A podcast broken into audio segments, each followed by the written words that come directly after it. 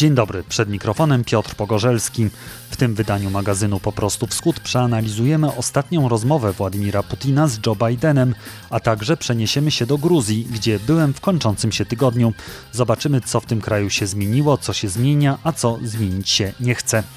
Chciałbym podziękować Zuzannie, Michałowi, Aleksandrowi i Piotrowi, którzy rozpoczęli bądź przedłużyli wspieranie mojego podcastu w Patronite lub na zrzutce. Dziękuję także wszystkim, którzy polubili profile Po prostu Wschód na Facebooku i Instagramie. Zachęcam do śledzenia mnie na Twitterze, gdzie staram się na bieżąco pisać o tym, co się dzieje za naszą wschodnią granicą. Zaczynamy od podsumowania tygodnia. Białoruś odpowiada na zachodnie sankcje. Od 1 stycznia ma zacząć obowiązywać embargo na produkty żywnościowe z krajów, które wprowadziły sankcje wobec Mińska. Z ograniczeń mają być jednak wyłączone produkty do użytku indywidualnego, żywność dla dzieci i szereg innych pozycji tzw. Tak krytycznego importu. Wyjaśniono, że ma to na celu ograniczenie negatywnego wpływu embarga na białoruskich obywateli. W zeszły czwartek Unia Europejska uchwaliła kolejny pakiet sankcji wobec Białorusi. Środowy New York Times poinformował, że były kontroler lotów na lotnisku w Mińsku opowiedział polskim służbom o kulisach przymusowego lądowania w białoruskiej stolicy 23 maja samolotu linii Ryanair z wówczas opozycyjnym dziennikarzem Ramanem Pratasiewiczem na pokładzie. Według niego oficer białoruskiego KGB przebywał na wieży kontrolnej w trakcie przechwytywania samolotu i de facto bezpośrednio kierował akcją. Po wylądowaniu w Mińsku zatrzymano Ramana Pratasiewicza i jego partnera partnerkę, obywatelkę Rosji Sofię Sapiegę. W tym tygodniu usłyszała ona zarzuty na podstawie kilku artykułów kodeksu karnego. Grozi jej kara co najmniej 6 lat więzienia. Według sondażu kijowskiej grupy Rating około 70% Ukraińców widzi w Polsce sojusznika. Inne kraje życzliwe wobec Ukrainy to zdaniem badanych Kanada, Litwa, Wielka Brytania, Stany Zjednoczone i Turcja. Prawie połowa badanych uważa Białoruś za kraj wrogi. Liczba takich osób wzrosła dwukrotnie w ciągu roku. Rosję uznało za wrogi kraj 72% ankietowanych. 12% widzi w Moskwie sojusznika. Słowacka służba informacyjna SIS, która odpowiada za cywilny wywiad i kontrwywiad, w opublikowanym w poniedziałek dorocznym raporcie zwróciła uwagę na działalność rosyjskich i chińskich szpiegów. SIS zauważyła, że ze względu na wprowadzane ograniczenia związane z pandemią COVID-19, oficerowie zagranicznych wywiadów poważnie ograniczyli osobiste kontakty ze swoimi źródłami. Restrykcje utrudniły także nawiązywanie nowych kontaktów. Środę minęło 30 lat od dnia podpisania przez przywódców Białorusi, Rosji i Ukrainy porozumienia białowieskiego, formalnie kończącego istnienie Związku Radzieckiego i powołującego na jego miejsce wspólnotę niepodległych państw. Jeszcze w grudniu dołączyły do niej wszystkie były republiki, poza Litwą, Łotwą, Estonią i Gruzją. Ta ostatnia była członkiem WNP w latach 1993-2009. W 2018 roku z członkostwa w tej organizacji zrezygnowała Ukraina. out.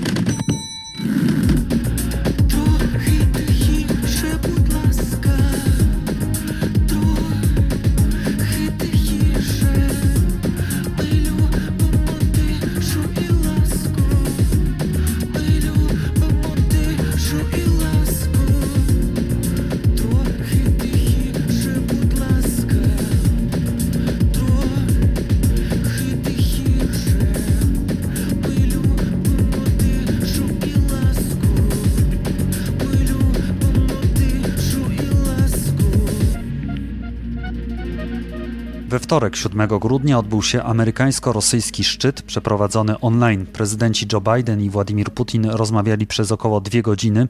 Co z tej rozmowy wynikło? O to zapytam Marka Menkiszaka z Ośrodka Studiów Wschodnich. Dzień dobry. Dzień dobry. Chciałbym, abyśmy zastanowili się, kto w jaki sposób skorzystał na tej rozmowie, która właściwie polegała na wymianie deklaracji między dwoma stronami. Może zacznijmy od Rosji. Co Rosja dzięki temu, że to spotkanie doszło do skutku, wygrała? No przede wszystkim wygraną Rosji jest sam fakt, że do takiego spotkania dochodzi.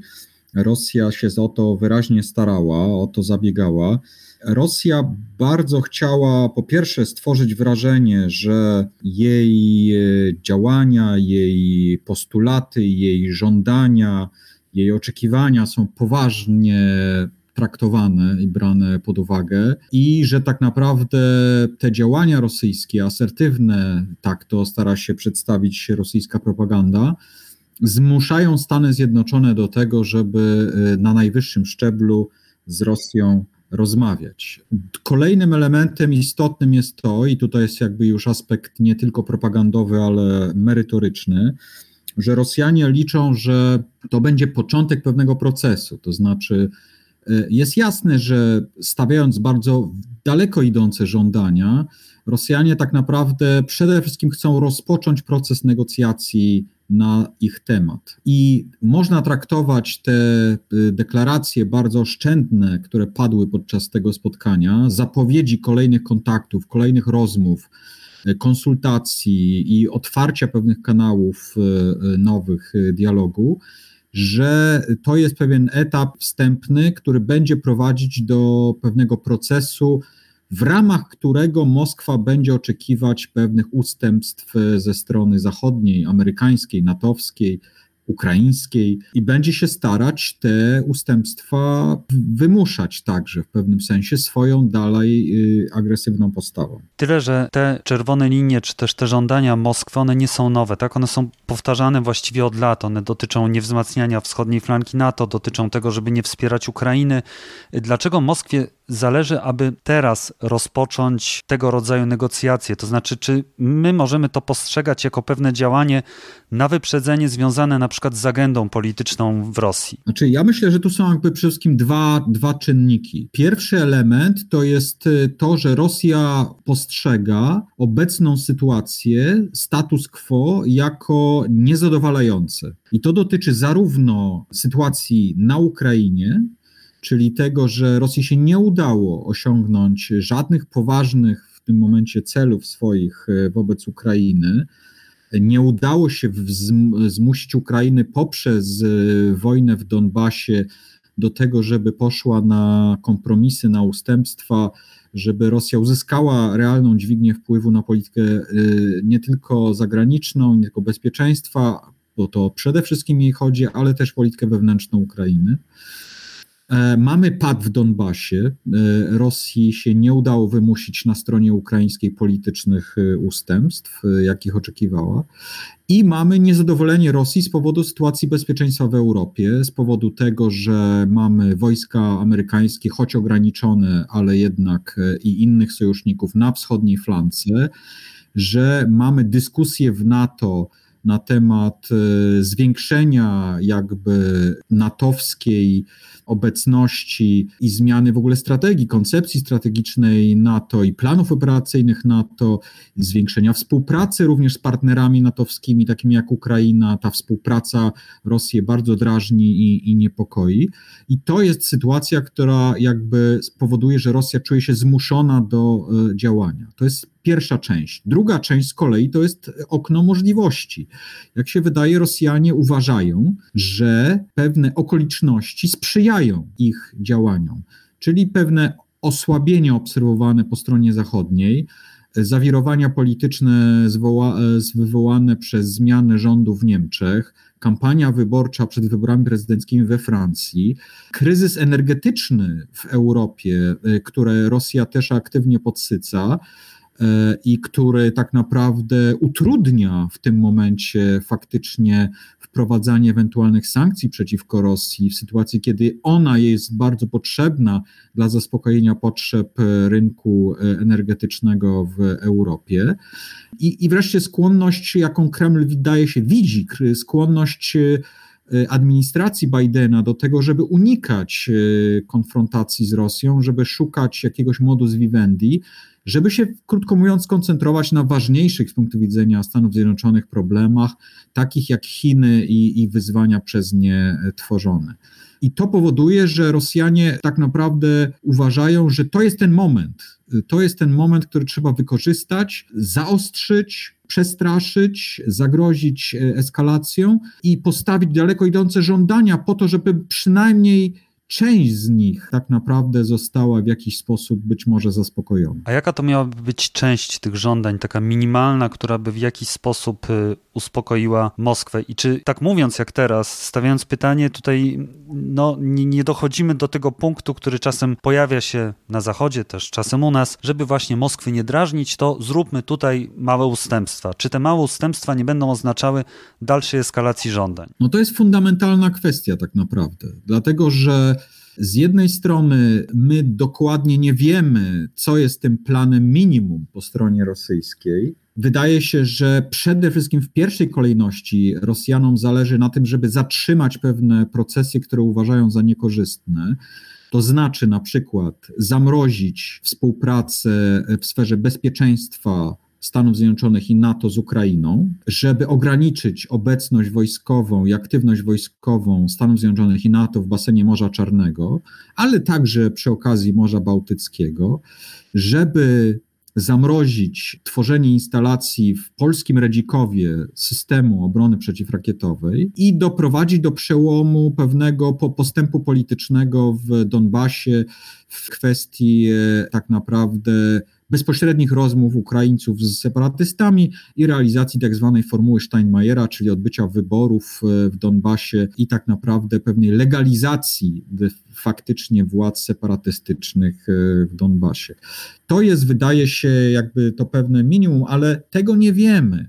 I tak naprawdę problem polega na tym, że jeżeli teoretycznie zakładając, e, pewne warunki z tej strony zostaną zaspokojone e, wobec Rosji przez stronę zachodnią, ukraińską, na tym się nie skończy. To będzie kolejny tak naprawdę proces, kolejny etap i Rosjanie cały czas będą używać tego straszaka i, i tego, tych, tych gruźb i na przykład powtarzać ruchy wojsk, grozić kolejnymi e, działaniami, bo stwierdzą, że ta taktyka po prostu jest skuteczna.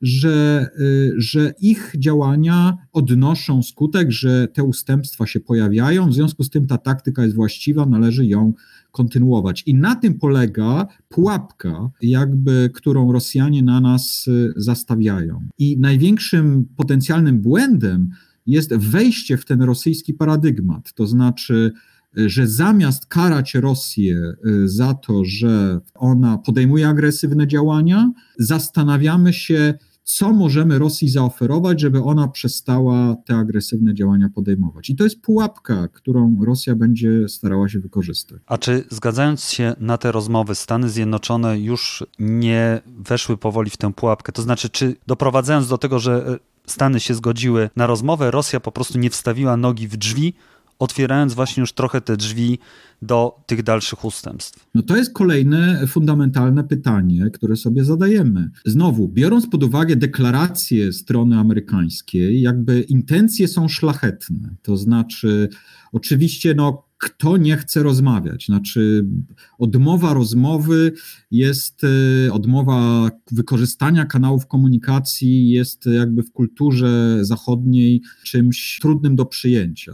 Rozmawiać trzeba, tym bardziej trzeba rozmawiać z, nawet z, z przeciwnikiem, z, z tym, który, który nam zagraża ale z drugiej strony jest pytanie o to właśnie, w, w, jakim kluczu te rozmowy się będą odbywać, kto będzie je prowadzić, w jakim gronie one będą prowadzone, e, co będzie ich tematem szczegółowym, e, czy na przykład będziemy rozmawiać e, tak jak Biden zasugerował, co, co jest przedmiotem roz, różnorakich interpretacji, niekiedy daleko idących, że będziemy rozmawiać z Rosją o ich y, wątpliwościach dotyczących kwestii rozszerzenia NATO, kwestii bezpieczeństwa europejskiego i kwestii oczekiwań wobec Ukrainy. No, teoretycznie można przyjąć optymistyczne założenie, że oczywiście będziemy o tym rozmawiać, tak jak przez 30 lat rozmawiamy z Rosją na tematy bezpieczeństwa, na tematy kontroli zbrojeń, na tematy polityki wobec y, tak zwanego wspólnego sąsiedztwa. I to nie przynosi y, Rosji korzyści. Rosja jakby cały czas ma to poczucie, że jej interesy nie są zaspokajane, więc sama rozmowa nie przesądza o wyniku tych rozmów. Ale z drugiej strony, jest to ryzyko właśnie, że Rosja będzie to wykorzystywać i że tak naprawdę będzie skłaniać czy próbować zmuszać naszą stronę, stronę zachodnią, do tego, żeby jednak zastanawiać się, jakie to koncesje możemy Rosji zaoferować. I, i, jest, I to niebezpieczeństwo, wydaje mi się, jest realne. Dlatego tak ważne jest zapewnienie szerokiej konsultacji pomiędzy sojusznikami, która obejmowałaby przede wszystkim państwa bezpośrednio narażone na działania rosyjskie Ukrainę i państwa wschodniej flanki, państwa bałtyckie, Polskę, Rumunię, te państwa, które są najbardziej narażone na e, agresywne działania rosyjskie. Tylko czy w tym czasie, kiedy na przykład w Niemczech mamy do czynienia ze zmianą władzy, mamy nowego kanclerza, z kolei we Francji właściwie już się rozpoczyna pewnie powoli kampania przed wyborami prezydenckimi w przyszłym roku, czy te państwa w ogóle będą zainteresowane? Czy być może właśnie to jest ten moment, kiedy łatwo od nich otrzymać jakieś koncesje, Rosji łatwo otrzymać koncesje? To jest właśnie ten element sytuacji, o, o, o którym wspominałem, to, to dlaczego Rosja Rosjanie kalkulują, że właśnie teraz jest ten dobry moment na to, żeby spróbować zacząć licytować, ostro grać i licytować. I to są rzeczywiście czynniki, które mogą Rosji pomagać. Bo pamiętajmy na przykład, że w, we Francji przeciwnikami prezydenta Macrona, któremu niekiedy zarzucamy zbytnią prorosyjskość, są jeszcze bardziej prorosyjscy kontrkandydaci, przynajmniej jeśli chodzi o tych głównych. A jeśli chodzi o Niemcy, no to mm, mamy dużą determinację rządu niemieckiego, żeby E, nie e, rezygnować z uruchamiania gazociągu Nord Stream 2, który w ewidentny sposób zmniejszy skłonność Niemiec do przeciwstawiania się e, rosyjskiej presji, ponieważ wzrośnie i y, zależność samych Niemiec, ale też znaczenie Niemiec jako hubu y, energetycznego we współpracy z Rosją w, w Europie. W związku z tym to są te elementy, które rzeczywiście mogą działać y, korzystnie dla interesów rosyjskich, tym bardziej, że Stany Zjednoczone bardzo podkreślają, że one chcą, żeby to była skoordynowana z sojusznikami odpowiedź wobec Rosji, a skoro tak, no to i skoro ci sojusznicy ważni europejscy, z którymi Biden przede wszystkim się konsultuje, są bardzo ostrożni, to łagodnie tak to nazywając, wobec działań krytycznych wobec Rosji, no to mamy pewne ryzyko, że te działania i ta, ta, ten odstraszający jakby czynnik potencjalnych sankcji, o których ciągle Stany Zjednoczone mówią, nie będzie poważnie potraktowany przez stronę rosyjską. Czyli będziemy tutaj jak zwykle trzymani w napięciu przez Rosję, o czym zresztą w zeszłym miesiącu mówił Władimir Putin. Marek Menkiszak, Ośrodek Studiów Wschodnich, bardzo dziękuję. Dziękuję bardzo. A za chwilę przeniesiemy się do Gruzji.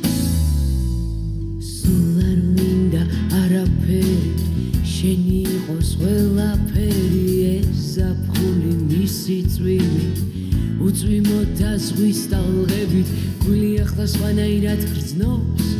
გიყურებ და ვერ გეხები რატომ გახარ შოვს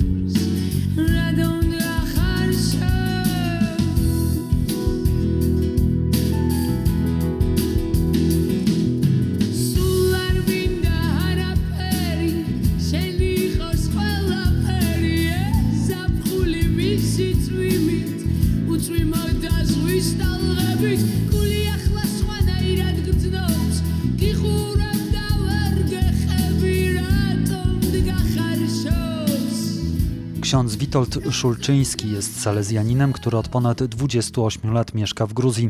Zajmuje się m.in. pomocą najbiedniejszym. Przez wiele lat kierował miejscowym Caritasem, którego też był współzałożycielem. Będąc w Tbilisi spotkałem się z nim m.in. po to, aby zapytać go, jak zmieniła się Gruzja przez niemal 30 lat jego pobytu w tym kraju. Kiedy tu przyjechałem, to sytuacja była w ogóle tragiczna, bo państwo nie płaciło przez miesiące, miesiące, miesiące emerytur. Nie płacili, bo nie mieli z czego. Były, najpierw były Rus, rosyjskie ruble, potem przez jakiś czas były tak zwane kupony, gruzińskie pieniądze, ale one nie miały żadnej wartości praktycznej, nie można było za nie niczego kupić. Potem zrobiono reformę, wprowadzono lary i emerytura była 7 larów, potem 9 to było 4-5 dolarów na miesiąc, to, to nie były żadne pieniądze. To można było, jak ludzie mówią, mówili wtedy, To było za dużo, żeby umrzeć, a za mało, żeby żyć. Bieda była ogromna. Ja, ja sobie nigdy w życiu nie wyobrażałem, że zobaczę kiedykolwiek, że będę miał do czynienia z ludźmi, którzy umarli z głodu czy z zimna. Nie, to nawet w najczarniejszych snach, snach sobie nie wyobrażałem. A tutaj jak przyjechałem, pamiętam, że kiedy żeśmy otwarli pierwsze biuro Caritasu, to mógł 90 być piąty rok, otwarliśmy pierwszą stołówkę na Mardzieni Szwili, blisko metra, w centrum miasta i przychodzili najrozmaici ludzie, na profesorowie, nauczyciele i tak dalej. Taka była, była inteligencja, najczęściej to byli emeryci. I któregoś dnia przyszła do tej stołówki taka, widać, że bezdomna kobieta, a to zima była, śnieg padał, obszarpana, brudna, zaniedbana, zawszawiona i tak dalej. Myśmy ją nakarmili. Pamiętam, że daliśmy jej ciepły płaszcz, jeszcze jedzenia w taką torbę no i ona poszła. Nie mieliśmy, Caritas nie miał nic wtedy. Miał tą pierwszą stołówkę i malutką przychodnię. I, ale w tym samym budynku mieliśmy na piętrze dwa pokoje wynajmowane, takie biura Caritasu. Pamiętam, że następnego dnia rano przyjechałem do pracy i wchodzę już i z lewej strony pod, tymi, pod tym takim zadaszeniem, ale to ciągle na ulicy, patrzę, że leży trup tej kobiety, która dzień wcześniej była u nas w stołówce. Zamarzła, nie miała gdzie się podziać, zamarzła w nocy z zimna. Zadzwoniłem na policję. Policja powiedziała, że jak trup, to, ich, to, to, nie, to nie jest ich sprawa. Zadzwoniłem na pogotowie, to też nie jest ich sprawa. W końcu zadzwoniłem do nuncjusza. Nuncjusz mówi, zadzwoń jeszcze raz na policję i powie, że dzwoni, powiedz, że dzwonisz z ambasady, to może ktoś przyjedzie. I rzeczywiście przyjechało za parę minut dwóch policjantów, Wyszli z samochodu, obejrzeli te ciało tej kobiety. Pamiętam, że jeszcze jeden tak nogą ją podotykał trochę, żeby sprawdzić, czy żyje, ale było widać, że zamarzła. Znalazł kawałek jakiejś starej gazety na, na ulicy, bo to te, te ulice nie były sprzątane. Położył tej, tej kobiecie na twarz tę gazetę, zakrył jej twarz i odjechali. A ja tak stałem i słowo honoru płakałem jak szczeniak, bo, bo mi się to w głowie nie mieściło. I za parę minut przyjechał, mam to przed oczyma, taki niebieski ził, ciężarówka sowiecka, pełna śmieci. Wyszło takich dwóch śmieciarzy, wzięli te ciało tej kobiety za ręce i za nogi, wrzucili na tę górę śmieci i odjechali. Ja tego nigdy nie zapomnę. Ja do dzisiaj mam wyrzuty sumienia, że ta kobieta u nas była. Myśmy jej pomogli, na ile to było możliwe, ale ona parę godzin potem zamarzła, umarła. I czuję się do dzisiaj w jakimś sensie winny, że myśmy jej nie pomogli. Pamiętam, że w szpitalu psychiatrycznym w Bedianie, żeśmy tam latami im pomagali, tam leżały dziesiątki trupów ludzi, którzy zamarzli, bo nie było nic, nie było jedzenia. Potem pamiętam, ministerstwo wyznaczyło tam takiego e, bardzo porządnego, uczciwego i takiego zaradnego, pracowitego dyrektora i myśmy też mu pomagali tam kupować ziarno. On z tego ziarna robił mąkę, taką małą piekarnię uruchomił, żeby ci ludzie mieli co jeść, chleb. Naprawdę była straszna, straszna bieda. Dzisiaj oczywiście sytuacja się zmieniła, bo dzisiaj może pan sobie pójść do, do dużego supermerkatu i kupić francuski ser, włoską czy hiszpańską szynkę. Wszystko, tylko mało kogo na to stać. W Polsce ludzie, ja mam tutaj kilka, kilkanaście, dziesiąt może nawet programów telewizyjnych i rzeczywiście ostatnie czasy w Polsce wszystko podrożało. Ale w Gruzji przy zarobkach, przy emeryturach, rentach o wiele, o wiele mniejszych, ceny są takie same albo wyższe. I dzisiaj jest taka sytuacja, że emeryci, renciści wszyscy dostają jednakową emeryturę, to jest bodajże 240 larów. No podzielić to na 3,5 to jest tam ile? Jakieś 60 parę, 70 euro. Przy cenach wyższych niż w Polsce, gdzie służba zdrowia w dużej części jest płatna, no proszę sobie wyobrazić, jak tu ludzie żyją. Właśnie, to jest pytanie, jak tu ludzie żyją, w jaki sposób oni sobie dają radę przy tak małych dochodach? Bardzo często ci ludzie mówią to, co już powiedziałem, że ta emerytura jest ciągle za duża, aby umrzeć, a za mała, aby żyć. Szczęściarzami są ci, którzy mają rodziny. Bo jeżeli ktoś żyje w rodzinie, gdzie jedna, dwie, trzy osoby pracują, jest jeszcze emeryt czy rencista, no to jakoś sobie żyją, prawda? Bo te opłaty choćby za gaz, światło, tak zwane opłaty komunalne, rozkłada się na kilka osób. Ale ja znam dziesiątki, setki ludzi samotnych, schorowanych, staruszków, emerytów, rencistów. Zresztą moja fundacja takim ludziom w pierwszym rzędzie pomaga.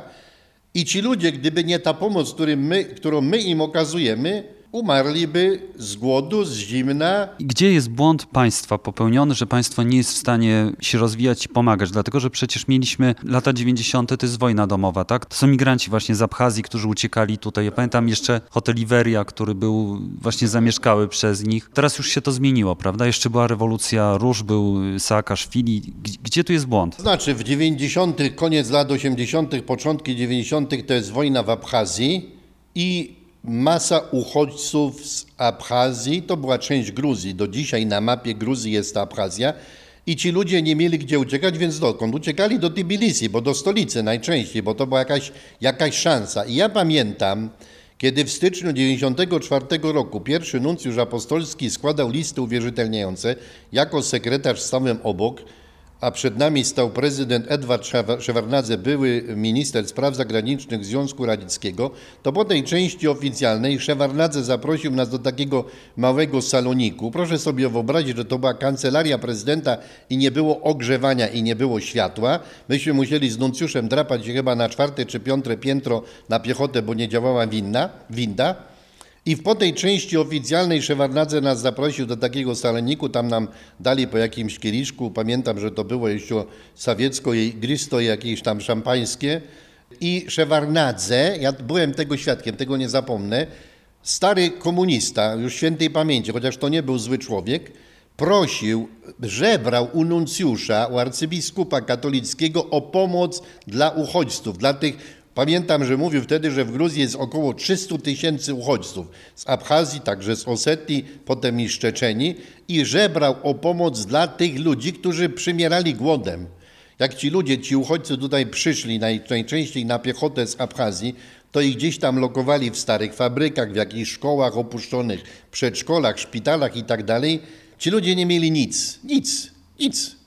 Zresztą podobna sytuacja była w 2008 roku, kiedy Rosja napadła na Gruzję i Schinwali i ta cała część południowej Osetii została jakby do dzisiaj jest okupowa okupowana przez rosyjskie wojska, to ja pamiętam, że w ciągu, to byłem świadkiem naocznym tego, w ciągu dwóch, trzech dni do Tbilisi przyszło na piechotę najczęściej ponad 100 tysięcy ludzi. To był sierpień, było gorąco, na szczęście. Ci ludzie nie mieli nic, nic. Ja pamiętam, że minister od spraw uchodźców, Koba Subeliani, mówił mi, że około 80% tych ludzi nie miało nawet dokumentów. Uciekli tak jak stali, bo ruskie wojska i osetyńskie szły, grabili, zabijali, mordowali, więc po prostu ludzie uciekali, żeby ratować życie. Przed ratuszem stały dzikie tłumy ludzi. Ci ludzie byli rzeczywiście jak, jak oszaleli, bo gorąco niesamowicie, nic nie mają, żadnej pomocy, nie mają gdzie się podać, z małymi dziećmi, bez ubrania, bez niczego. Proszę sobie wyobrazić, że do, dobrze, że to był sierpień, gorąco. Ludzie spali na betonie, na posadzkach.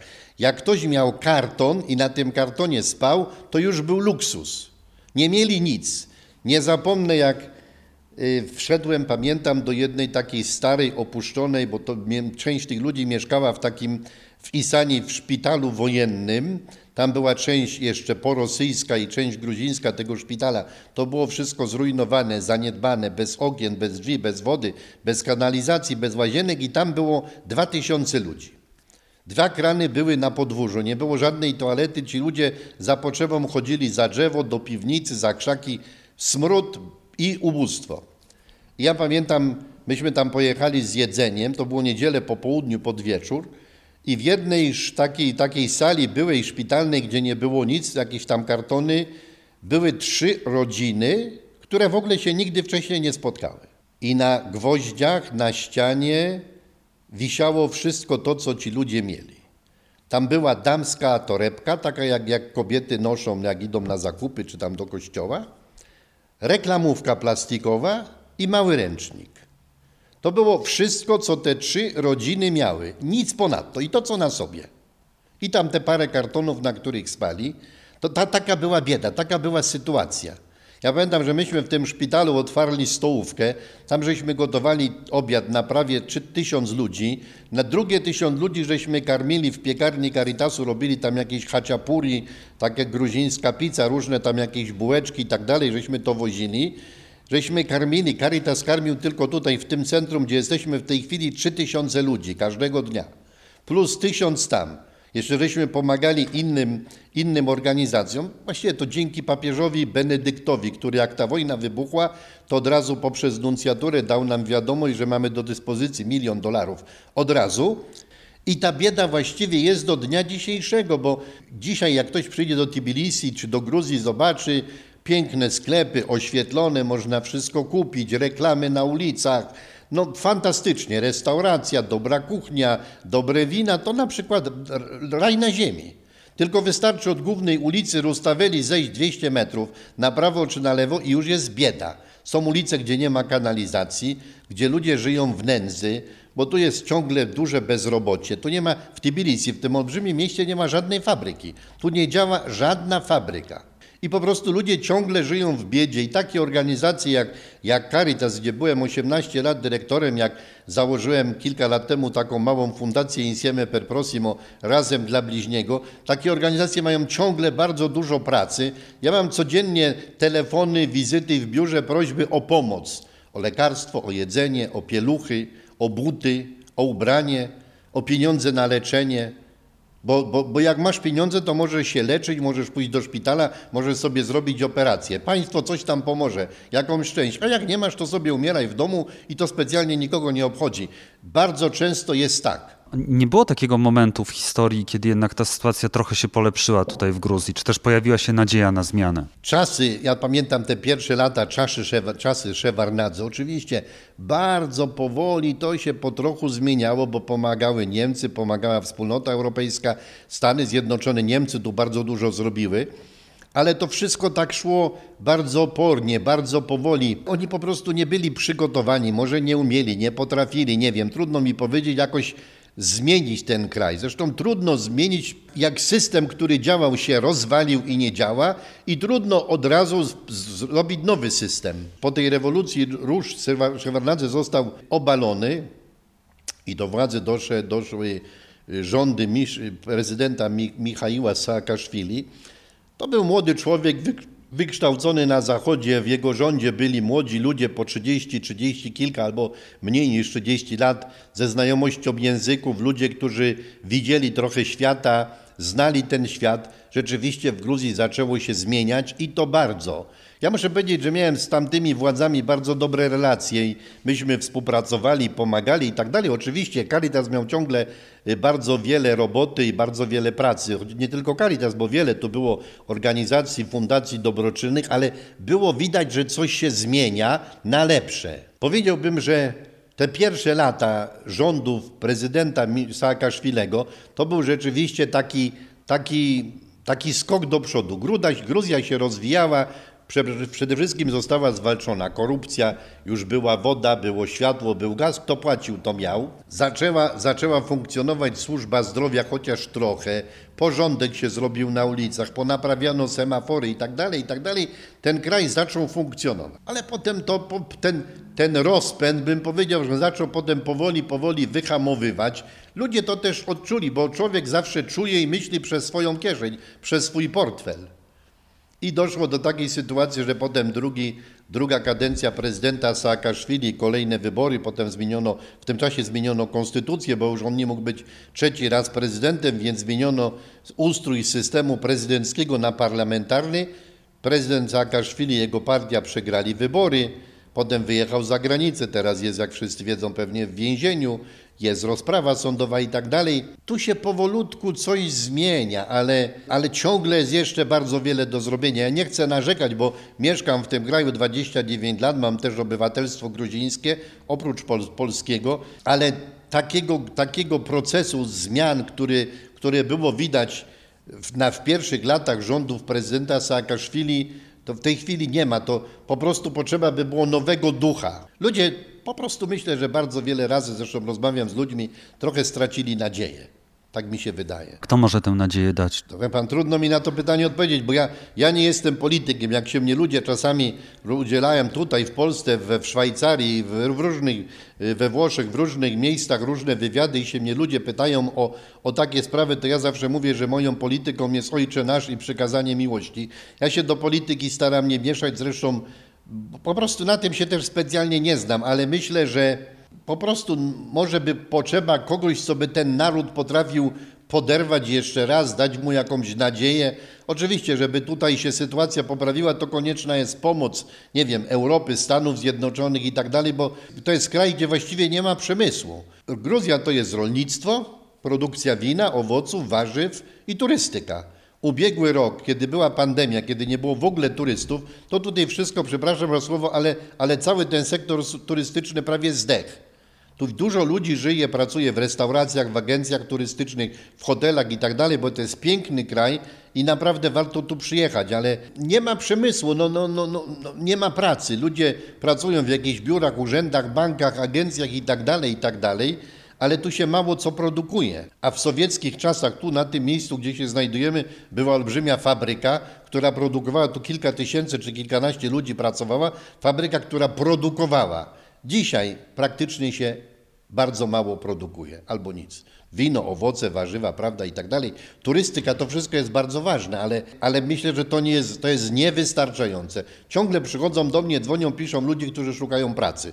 Czy nie mam pracy, czy nie mam pracy, czy pomógłbym wyjechać do Polski na przykład. Ilu ludzi przychodziło prosić o to, żeby im pomóc wyjechać do Polski, bo w Polsce jest praca i jest nadzieja. Czyli tutaj po prostu nie ma inwestycji, tak? Są tu pewnie spore inwestycje w sektor turystyczny i rolniczy, bo sam znam ludzi, którzy w rolnictwo inwestują i to duże pieniądze i to działa. Gruzja produkuje naprawdę doskonałe wina, warzywa, owoce. Tu przywożą ciężarówkami dużymi z Turcji olbrzymie ziemniaki, które wyglądają pięknie, ale, ale w ogóle smakują, to, to się nie da tego jeść.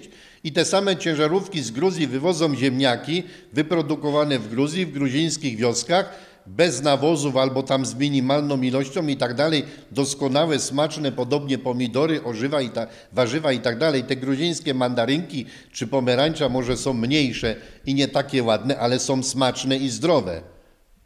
Ale to wszystko jest, to jest kropla w morzu potrzeb. Poza tym Gruzja no też Gdyby była bliżej, powiedzmy, Europy, tej bogatej, zachodniej, środkowej, to łatwo by im było sprzedawać. Tutaj jednak, żeby coś zawieźć do Europy, to jest spory koszt transportu i to też na pewno jest jakaś przeszkoda. Ale mówię jeszcze raz, ja się na tym nie znam. To był ksiądz Witold Szulczyński, mieszkający w Gruzji od 28 lat.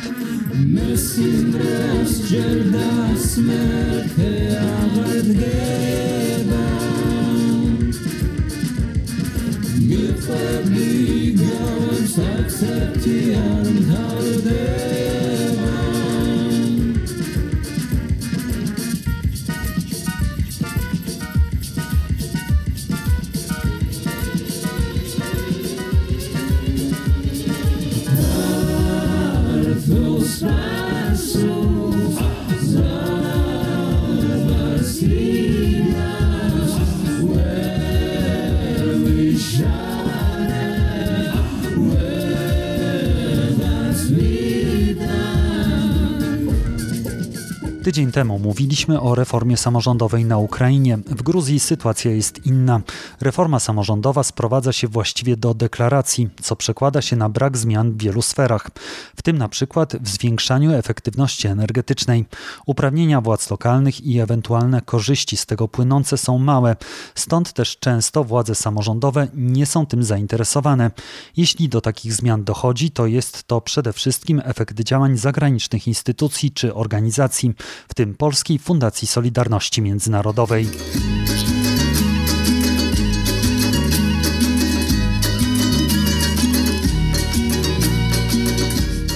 Wioska Zoti położona jest wysoko w górach, niemal 6 godzin samochodem od Tbilisi.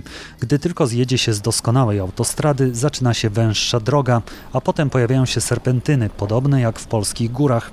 Ostatnie kilkanaście kilometrów to gruntowa droga z kamieniami i przecinającymi ją strumieniami wody, spływającej z wodospadów, które co chwila widać na pobliskich wzgórzach. To właśnie tutaj znajduje się przedszkole, do którego chodzi 46 dzieci i w którym jeszcze niedawno temperatura wewnątrz budynku wynosiła zimą plus 16 stopni. Pięć pomieszczeń było ogrzewanych dwoma zwykłymi kozami, które wyglądały jakby zrobił je miejscowy kowal. Wychowawczynie zbierały dzieci do jednego pokoju, żeby tam się ogrzały. Skracały także godziny pracy przedszkola.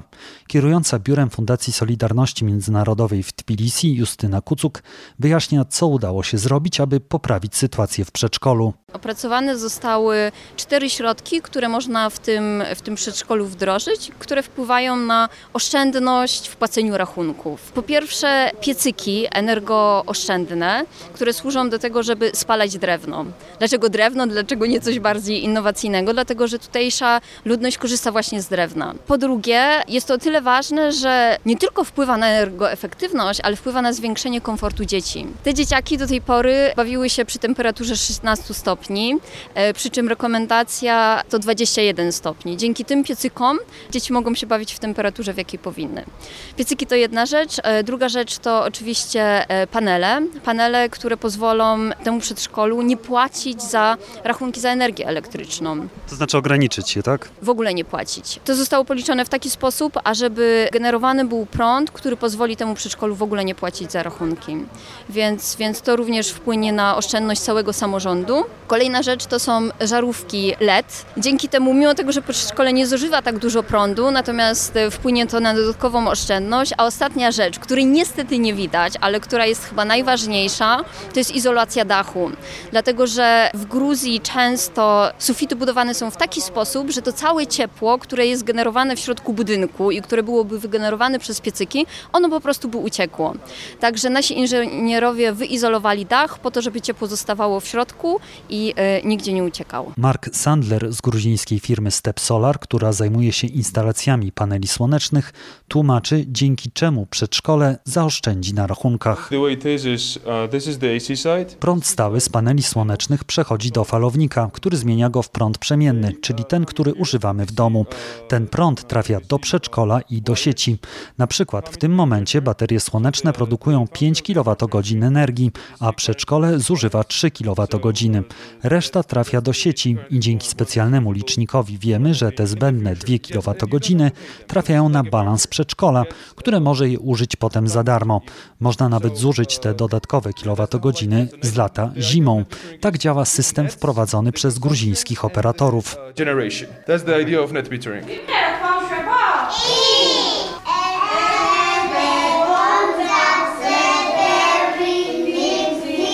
Dyrektorka przedszkola Szorena Ankanadze i przedszkolanka Nesta Micheladze są bardzo zadowolone z tego, co udało się zrobić w budynku. Przede wszystkim cieszą się, że jest w nim wreszcie ciepło. Nasze przedszkole jest wysoko w górach. Ogrzewanie jest bardzo istotne, bo jest bardzo zimno zimą. Nowe piece na drewno to też dla nas oszczędność. Wszystko wygląda elegancko, jest ciepło w pomieszczeniach. Wcześniej była zwykła koza na drewno, a w sypialni był tylko piecyk elektryczny, ale to nie było wydajne. Czuć różnicę, teraz jest przyjemnie, wszystkie pokoje są ogrzewane, mamy piece wszędzie poza kuchnią, gdzie nie trzeba grzać, bo jest kuchenka. Efekty działań są duże, ale pokazują ogromne problemy związane właśnie ze zwiększaniem wydajności energetycznej budynków. Kierownik Centrum Wydajności Energetycznej z Tbilisi, George Abulashvili, podkreśla, że już samo przygotowanie analizy tego, którymi z budynków publicznych w okręgu Chochatauri, gdzie leży Zoti, najlepiej się zająć, okazało się bardzo trudne. Zaczęliśmy zbierać dane dotyczące zużycia prądu i gazu i okazało się, że władze lokalne właściwie tylko wiedzą, ile płacą ogólnie, ale nie za poszczególny budynek. Oni rozdają państwowe subsydia dla najbiedniejszych, a tak to po prostu dostają rachunki i je płacą. I to nie są ich pieniądze, a te, które otrzymują od stolicy, z budżetu państwa. Rzeczywiście, w niektórych przypadkach to, co zaoszczędzą, trafia do ich własnego budżetu. I tak jest na przykład z przedszkolami. Ale później zaczynają się problemy, bo brak jest świadomości dotyczącej oszczędzania energii, brak wiedzy i doświadczenia oraz brak miejscowych ambicji politycznych, aby się tym zająć. Nie ma też dużej motywacji finansowej. George Abulashvili zaznacza, że nie chodzi tutaj tylko o kwestie władz lokalnych, ale nawet indywidualnych odbiorców. Okres grzewczy w Polsce, na Ukrainie czy w Bułgarii jest dłuższy, a cena energii wyższa. Ta cena jest kluczowa i to odczuwa przeciętna osoba w tych państwach. Jeśli te inwestycje się szybko nie zwrócą, to tego nikt nie zrobi za własne pieniądze, czy nawet na kredyt. W Gruzji ceny energii są dotowane przez państwo. W 2013 roku, gdy zaczynałem współpracę z Ukrainą, to wtedy dla nich nie było w ogóle problemem, ale to się zmieniło ze względu na działania Rosji i wzrost cen. Wtedy ludzie zaczęli sobie ocieplać nawet mieszkania w blokach na piątym piętrze. W Gruzji też to można spotkać, ale nie ma zachęt ekonomicznych. Czas zwrotu inwestycji w ocieplenie ścian to u nas 15 lat. Problemem są też małe uprawnienia władz lokalnych, które tak naprawdę pełnią rolę przedstawicielstw centrum w regionach. W czasie jesiennych wyborów tylko w miejscowości Salendžicha wygrał przedstawiciel opozycji Georgii Harcilawa. W rozmowie ze mną zwrócił uwagę na charakterystyczne cechy ustroju Gruzji. Stosunki między samorządem i władzami centralnymi są uregulowane przez konstytucję, ale w Gruzji wszystko jest zbudowane na zasadzie pionowej podległości. Samorządy praktycznie nie mają uprawnień, obywatele nie uczestniczą w zarządzaniu i nie czują się gospodarzami w swoich miejscowościach, a tym samym w swojej ojczyźnie. Oczywiście przedstawiciele miejscowych władz w Zoti i całym rejonie Czochatauri bardzo cieszą się z realizacji takich projektów, jak ten modernizacji przedszkola. Wicegubernator regionu Gória Lewan Dżaparidze. Dla nas to ważny projekt i jest to projekt pilotażowy. Dbamy o dzieci i oszczędność energii. Jeśli okaże się skuteczny, będziemy mogli go realizować w innych miejscowościach. To też ma wpływ na to, aby ci ludzie zostawali w tej wsi, choć ona jest w górach. Chcemy, żeby mieszkańcy tu zostali, nie wyjeżdżali nie tylko za granicę, ale też do innych regionów. Z kolei przewodniczący Rady Miejskiej Czochatauri Irakli Kuczawa podkreśla, że bardzo istotny jest audyt energetyczny budynków w regionie. 20 obiektów w ramach projektu zostało sprawdzonych pod kątem oszczędności energii. Mam nadzieję, że w przyszłości nasza współpraca będzie głębsza. W tej wsi jest dużo młodzieży i dzieci, ale mamy wewnętrzną migrację i im będzie tu bardziej komfortowo, tym mniej ludzi będzie wyjeżdżać. Nadal jednak mamy problem z miejscami pracy. Tutaj są ulgi dla biznesu działającego w miejscowościach wysokogórskich, ale i tak jest go mało, więc chcielibyśmy więcej informować o tym ludzi i właśnie o tym rozmawiamy z FSM. Fundacja Solidarności Międzynarodowej w Tbilisi działa od 2019 roku i jest otwarta na taką współpracę. Gruzińskim biurem fundacji Justyna Kucuk tłumaczy, jaka jest filozofia działania jej i jej sześcioosobowego zespołu. W kraju, który jest przesycony y, organizacjami międzynarodowymi, gdziekolwiek nie pojadę, zawsze się mówi o problemach. I to jest trochę worek bez dna albo puszka Pandory. Ta lista nigdy się nie kończy. Natomiast my zachęcamy ludzi do tego, żeby pomyśleli o tym, co oni już posiadają, co potrafią i na czym my jesteśmy w stanie budować. My oczywiście dorzucamy te cegiełki, których im brakuje. To mogą być finanse, to może być wiedza, to może być infrastruktura, natomiast zachęcamy ich do tego, żeby wychodzili z tego, co już posiadają.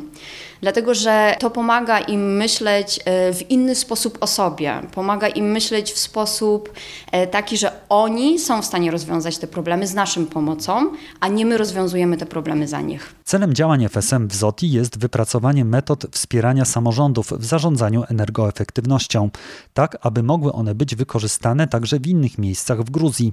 Oprócz takich projektów Tbiliskie Biuro FSM zajmuje się też szkoleniami, m.in. prowadząc Akademię Partycypacji, która ma pomóc w rozwiązywaniu lokalnych problemów w sposób odpowiedzialny i włączający.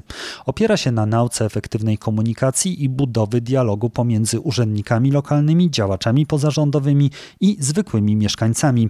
A dobra komunikacja to podstawa do budowy zaufania. Dzisiaj w Gruzji mamy bardzo spolaryzowane społeczeństwo. Po wyborach lokalnych widzimy, że mechanizm, który stosujemy jest skuteczny. Dlaczego?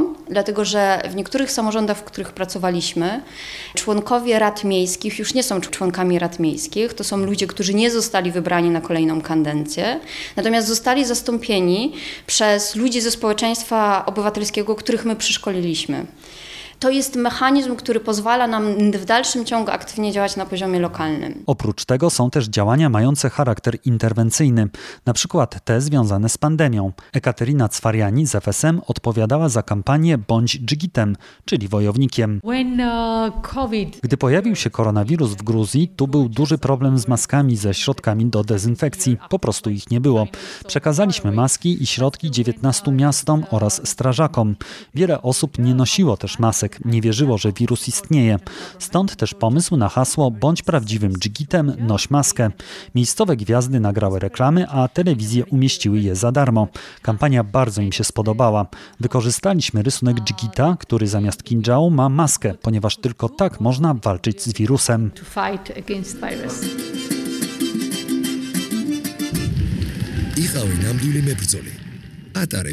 FSM planuje też rozwijać program wizyt studyjnych w Polsce z udziałem samorządowców, a także osób zainteresowanych zmianami systemowymi. Działania fundacji są współfinansowane przez Ministerstwo Spraw Zagranicznych w ramach Polskiej Współpracy Rozwojowej. Materiał powstał w ramach mojej współpracy z Fundacją Solidarności Międzynarodowej.